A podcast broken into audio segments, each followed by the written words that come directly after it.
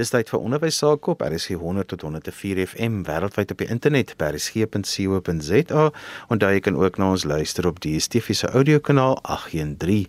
Vandag gesels ons oor uitvoerende funksies en die impak wat dit het op ons leer en ontwikkeling. My gas vandag is 'n bekende hier op ons in die onderwys, professor Ignatius Gous. Ignatius, uitvoerende funksies is maar 'n vreeslike naam vir 'n ding wat jy eintlik 'n beter, meer beskrywende naam vooruitgedink het. Vertel vir ons. Johan, ja, ek noem dit bestuur en beheergedrag. En ek dink dit beskryf wat 'n mens probeer doen en wat ons daaronder verstaan.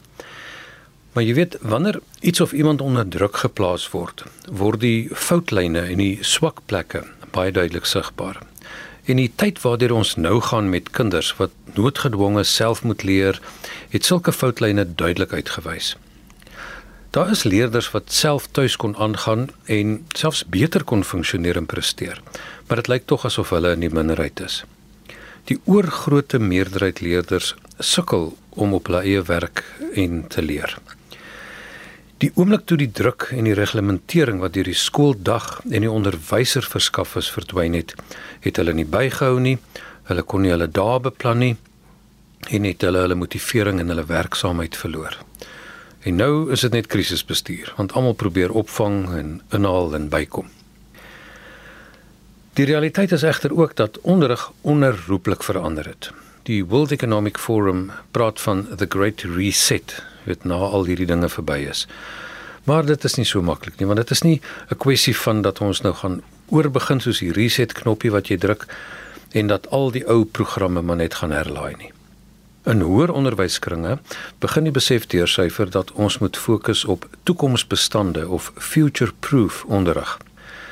Dit is waar ons so onderrig dat mens nie met nie, nie net ou kennis memoriseer en toets en daarvoor dan kwalifikasies toeken nie. Dit is wanneer ons op maniere onderrig dat daar oordrag plaasvind of transfer. Met ander woorde, wanneer basiese bestaande kennis bemeester word sodat dit gebruik kan word om nuwe, onverwagte en onbekende uitdagings die hoof te kan bied en nuwe kennis en oplossings in die proses skep.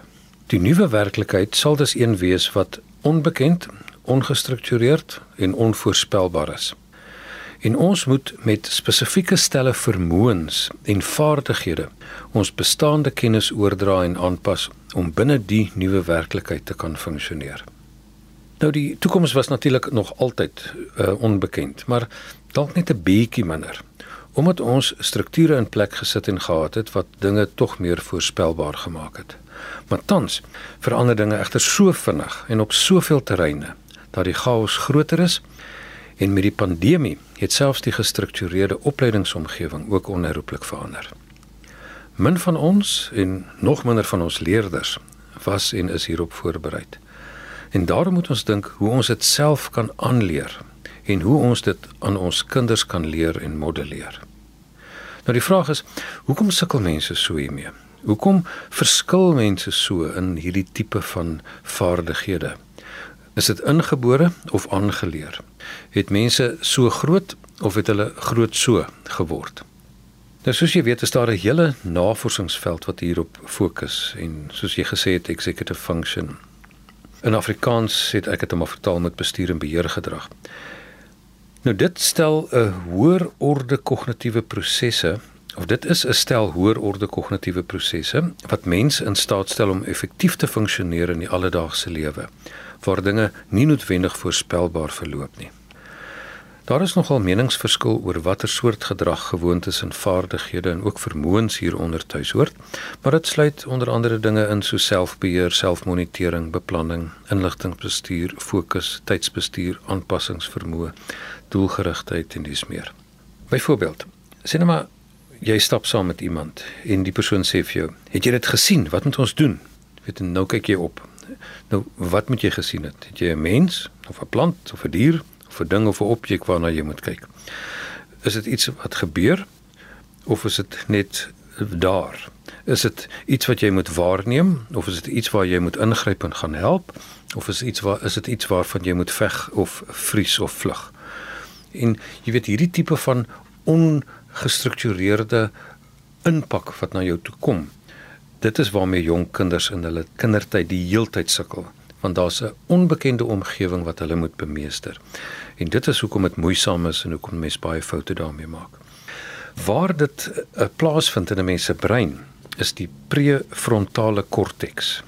Want die prefrontale korteks is die sentrum waar baie netwerke se inligting deurkom. Nou as 'n mens dink oor ehm um, bestuur en beheer gedrag of executive functioning, het dit 'n plek in die brein waar dit gebeur.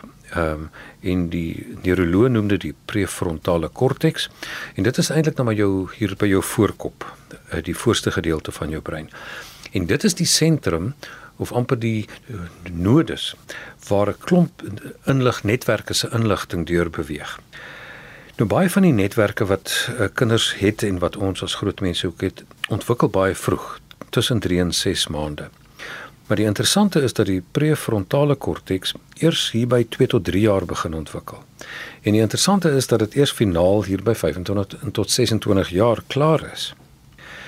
Nou 'n ander terme wat ons moet ken is sinaptogenese en dit is die vorm van nuwe verbindings en netwerke. Wanneer 'n kind jonk is in die vinnige groeifase, word hierdie geweldige klomp netwerke gevorm, maar dan is dit asof daar sê maar 100 paadjies na 'n selfe plek is. En dit is moeisaam en om deur te kies watter een jy gaan gebruik en of dit 'n klein paadjie of 'n groot paadjie is. En dan begin sinaptiese eliminasie plaasvind om te sorg dat kom ons kies een en ons maak hom sterk en vinnig. Nou die prefrontale korteks se sinaptiese densiteit of of digtheid vind eers plaas hier tussen 2 en 3 jaar. Anders as die ander areas wat baie keer tussen 3 en 6 maande al in plek is. En die sinaptiese eliminasie of met ander woorde waar jy een baan kies en hom vinnig maak by die prefrontale korteks vind eers plaas hier vanaf 7 jaar terwyl die ander gewoonlik by 1 jaar al doen. En dit gaan dan aan tot in middeladolessensie. En as mens dit verstaan, dan verstaan jy hoekom daar steierwerke nodig is wat gedrag reglementeer en hoe ons mense wat nog in hierdie ontwikkelingsproses is, se aandag kan lei en kan rig. En nou in hierdie tyd wat ons nou leef waar die steierwerke weggeval het, is dit amper soos water wat goed in 'n pyp gevloei het, maar toe bars die pyp en die water versink in die sand. So ons moet dus deur ons kurrikulum kom en die voorgeskrewe leerhoude leerinhoude onderrig maar op so 'n manier dat die leerders die nodige vaardighede byleer en bemeester sodat hulle nie met ou nuttelose en agtergehaalde kennis sit in vreemde omstandighede wat hulle nie kan voorspel nie. Nou ek dink ons almal weet hoe lyk kinders wat hiermee sukkel. Hulle is laat en hulle is ongeorganiseerd en hulle is een wat nie weet wanneer om te praat en wanneer om stil te bly nie. Dit is hulle wat nie hulle huiswerk doen nie of hulle boeke en hulle skryfgoed vergeet en wat nie aan die gang kan kom nie, wat ook nie dinge klaar maak nie. En soms werk hulle te vinnig of soms werk hulle te stadig. Dit is ook hulle wat nie kan vasbyt as dinge verkeerd loop nie. Maar wat ook aan die ander kant te rigied is en nie kan aanpas nie en wat hulle emosies ontoepaslik uitleef. So dit is alles dinge waar mense kan sien mense uh, kinders sukkel met hierdie bestuur en beheer gedrag. Nou as jy na hierdie tipe gedrag kyk, dan eerstens kan jy dit by alle kinders sien. En dit is met ander woorde nie abnormaal dat dit so is nie. Dit ons kan dus sien dat dit is deel van 'n ontwikkelingsgedrag. Maar iemand het op 'n kol gesê jong as jy op 50 nog nie groot geword het nie, dan hoef jy nie meer groot te word nie. Nou as jy op 50 of 40 of 30 nog hiermee sukkel, dan beteken dit jy het 'n paar dinge gemis. En dit is hoekom ek sê ons almal is so of ons is soms so of ons is op sommige terreine so dat jy op een terrein kan jy heeltemal goed funksioneer maar op 'n ander ene verloor jy dit heeltemal. So as ons dus hierna wil kyk, moet ons drie dinge doen. Ons moet eerstens dit definieer en verstaan en sê wat is executive function of bestuur en beheer gedrag. Dan moet jy self kan beoordeel. Waar skiet ek as onderwyser of as volwassene tekort? En dan die derde ding is, dan moet ons 'n plan maak. Hoe kan ek dit leer en onderrig of ontlok by kinders? Nou, as 'n mens ehm um, na hierdie tipe van vaardighede kyk, jy weet kan 'n mens 7 of 6 of 10 of 4 of wat ook al opnoem. Maar dis baie moeilik om hierdie 10 sinne maar dinge wat jy kies te onthou en dan op die ou end in werking te stel en te operasionaliseer sodat jy kan sien waar skiet ek tekort en waar met ander woorde in die hele proses loop dinge verkeerd. En om dit makliker te maak, het ek ge, uh, net 'n sinnetjie gevat wat van iets wat ons elke dag doen, 'n aktiwiteit wat 'n aktiwiteit beskryf wat ons elke dag doen om vir ons te help om hierdie 10 dinge wat ek gekies het wat as deel is van ehm um, uitvoerende gedrag uh om dit te kan onthou. En die sin is ek loop hierdie pad end uit. Ek loop hierdie pad end uit.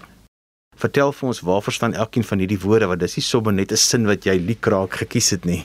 Jy weet as mens elkeen van die woorde vat en jy vat twee terme wat daaraan uh, koppel, dan het 'n mens 'n baie goeie begrip en 'n greep op uh, wat uh, executive function of bestuurende beheer gedrag is. As mens dus eersins kyk na ek, 'n groot gedeelte daarvan is selfinsig aan die een kant en emosionele beheer aan die ander kant. Selfinsig beteken dit is die vermoë om te verstaan hoe en hoekom jy dinge doen maar ook veral hoekom jy dit nie wil doen nie. Want 'n mens sien versekerde goeters kans en 'n mens sien verander nie kans nie en wat is die agtergrond daarvan? En is dit iets wat met ander woorde maak dat ek nie dinge gedoen kry nie?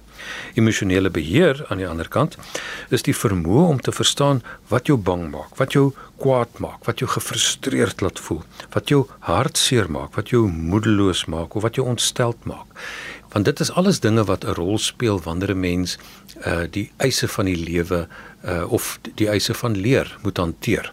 So as 'n mens dink van ek loop hierdie pad end uit, dan gaan dit oor selfinsig en emosionele beheer. Die loop van ek loop hierdie pad end uit uh, gaan oor twee dinge. Dit gaan oor jou organisasie vermoë en jou gedrag beheer. Nou as 'n mens dink aan loop, wat is dit? Loop is om gestruktureerd van balans af te wees, want jy weet as jy heeltemal in balans is, dan staan jy stil. As jy begin vorentoe val en jy gee nie 'n tree nie, dan val jy op jou gesig. So loop is om van balans af te wees en in balans te kom. So om dit te kan doen, moet jy met ander woorde organisasie vermoë sê jy moet die een voet voor die ander kan sit. En dit is dus die vermoë om dinge ordelik te beplan en te doen en om jou vordering te meet. Met ander woorde loop ek vinnig stadig eh, klein treetjies groot tree. Wat ook met loop gaan uh, saamgaan is gedragbeheer. Ehm um, want gedragbeheer is die vermoë om dinge wat pla nie te doen nie. As jy byvoorbeeld op 'n onbekende of 'n ongelyk pad stap en jy kyk die wêreld vol, dan beteken dit is baie maklik om te struikel. So jy moet op 'n manier kan sê ek doen hierdie ding en ek doen net hierdie ding en totdat ek nou tyd het om iets anders te doen. So loop gaan oor organisasie vermoë en oor gedragbeheer.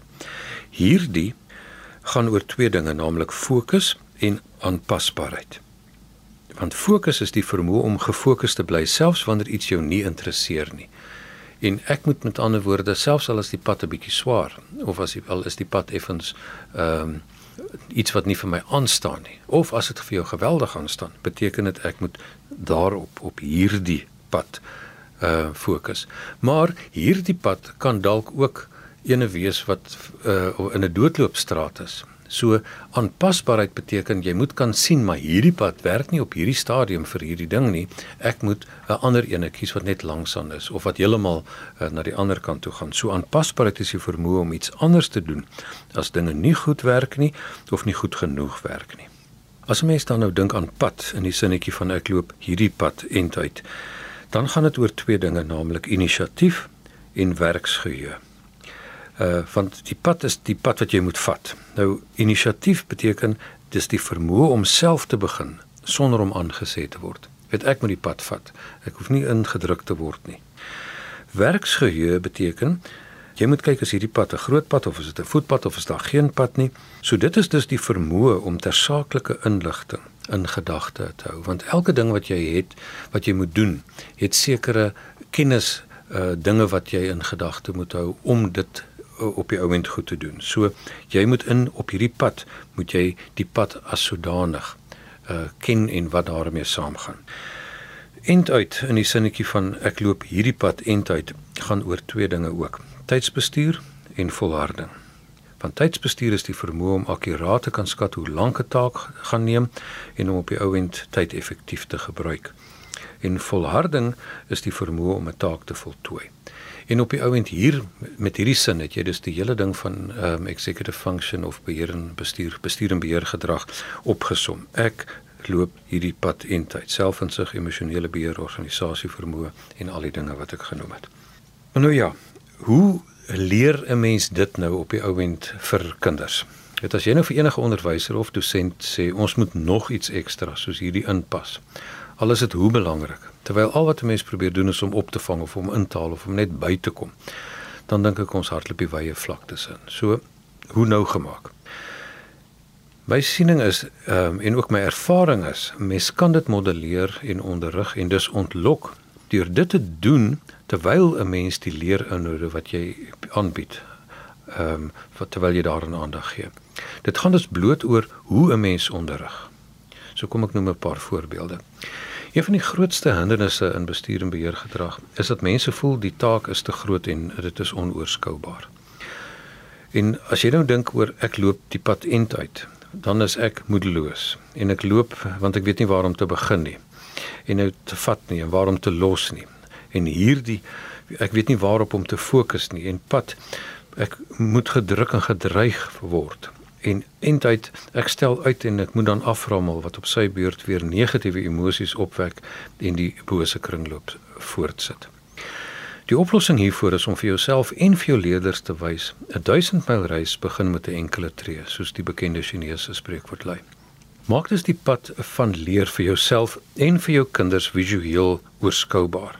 En daarmee bedoel ek beeld die pad van leer visueel en sigbaar uit.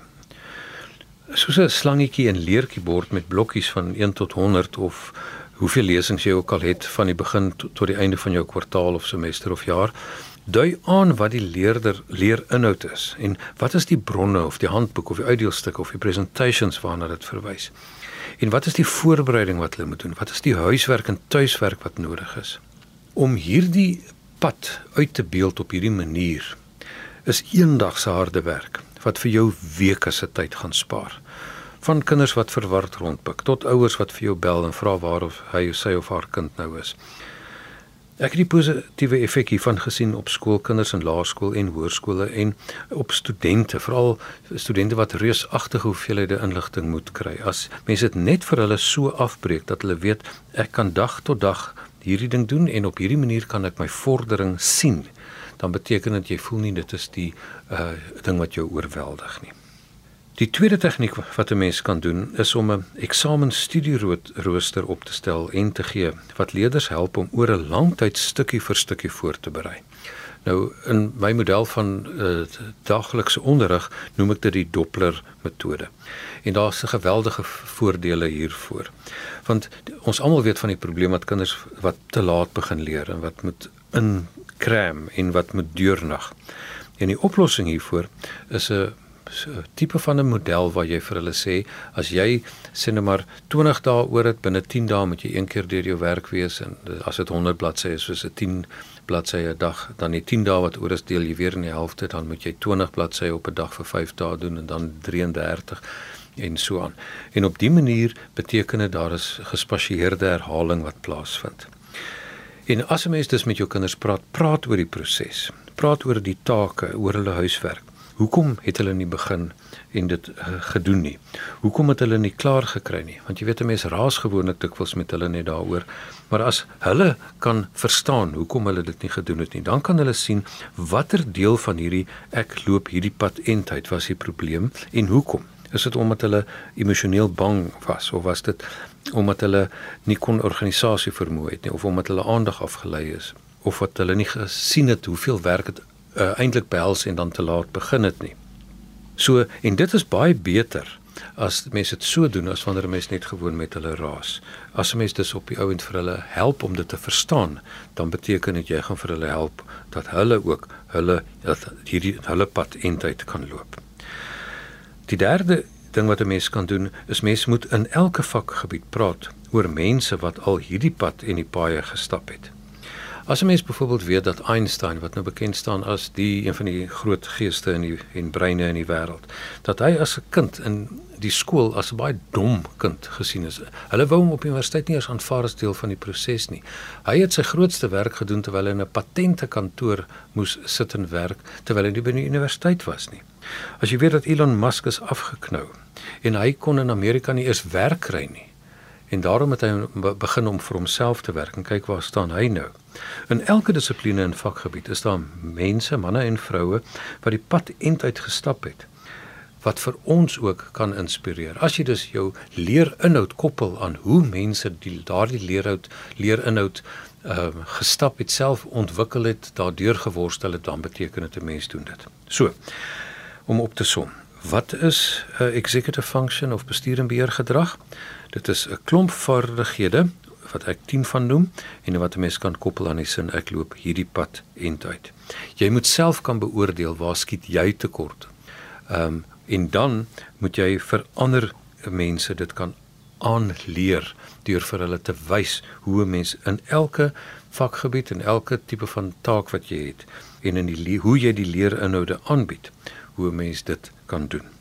So dit gaan op die ou end vir jou baie meer tyd spaar deur dit so te doen as om gedurig te moet eh, te moet beklei en agter ons te gaan bymekaar maak en om ouers te woord te staan deur die kinders te leer om dit self te doen. Ignatius, as mense met jou verder wil gesels, hoe kan hulle met jou kontak maak? Hulle kan my gerus skakel of 'n WhatsApp stuur by 083 459 1902 of hulle kan vir my 'n e e-pos stuur by ignatius.gous@gmail.com. Onthou net dis ignatius.gous@gmail.com. En so gesels professor Ignatius Gous ons vandag gesels oor die rol wat uitvoerende funksies speel by leer en ontwikkeling. Onthou jy kan weer na vandag se program luister as 'n potgooi. Laat dit af by resgep.co.za. Skryf gerus vir my e-pos by Johan@vvmedia.co.za. Dan groet ek dan vir vandag tot volgende week van my Johan van Lille. Totsiens.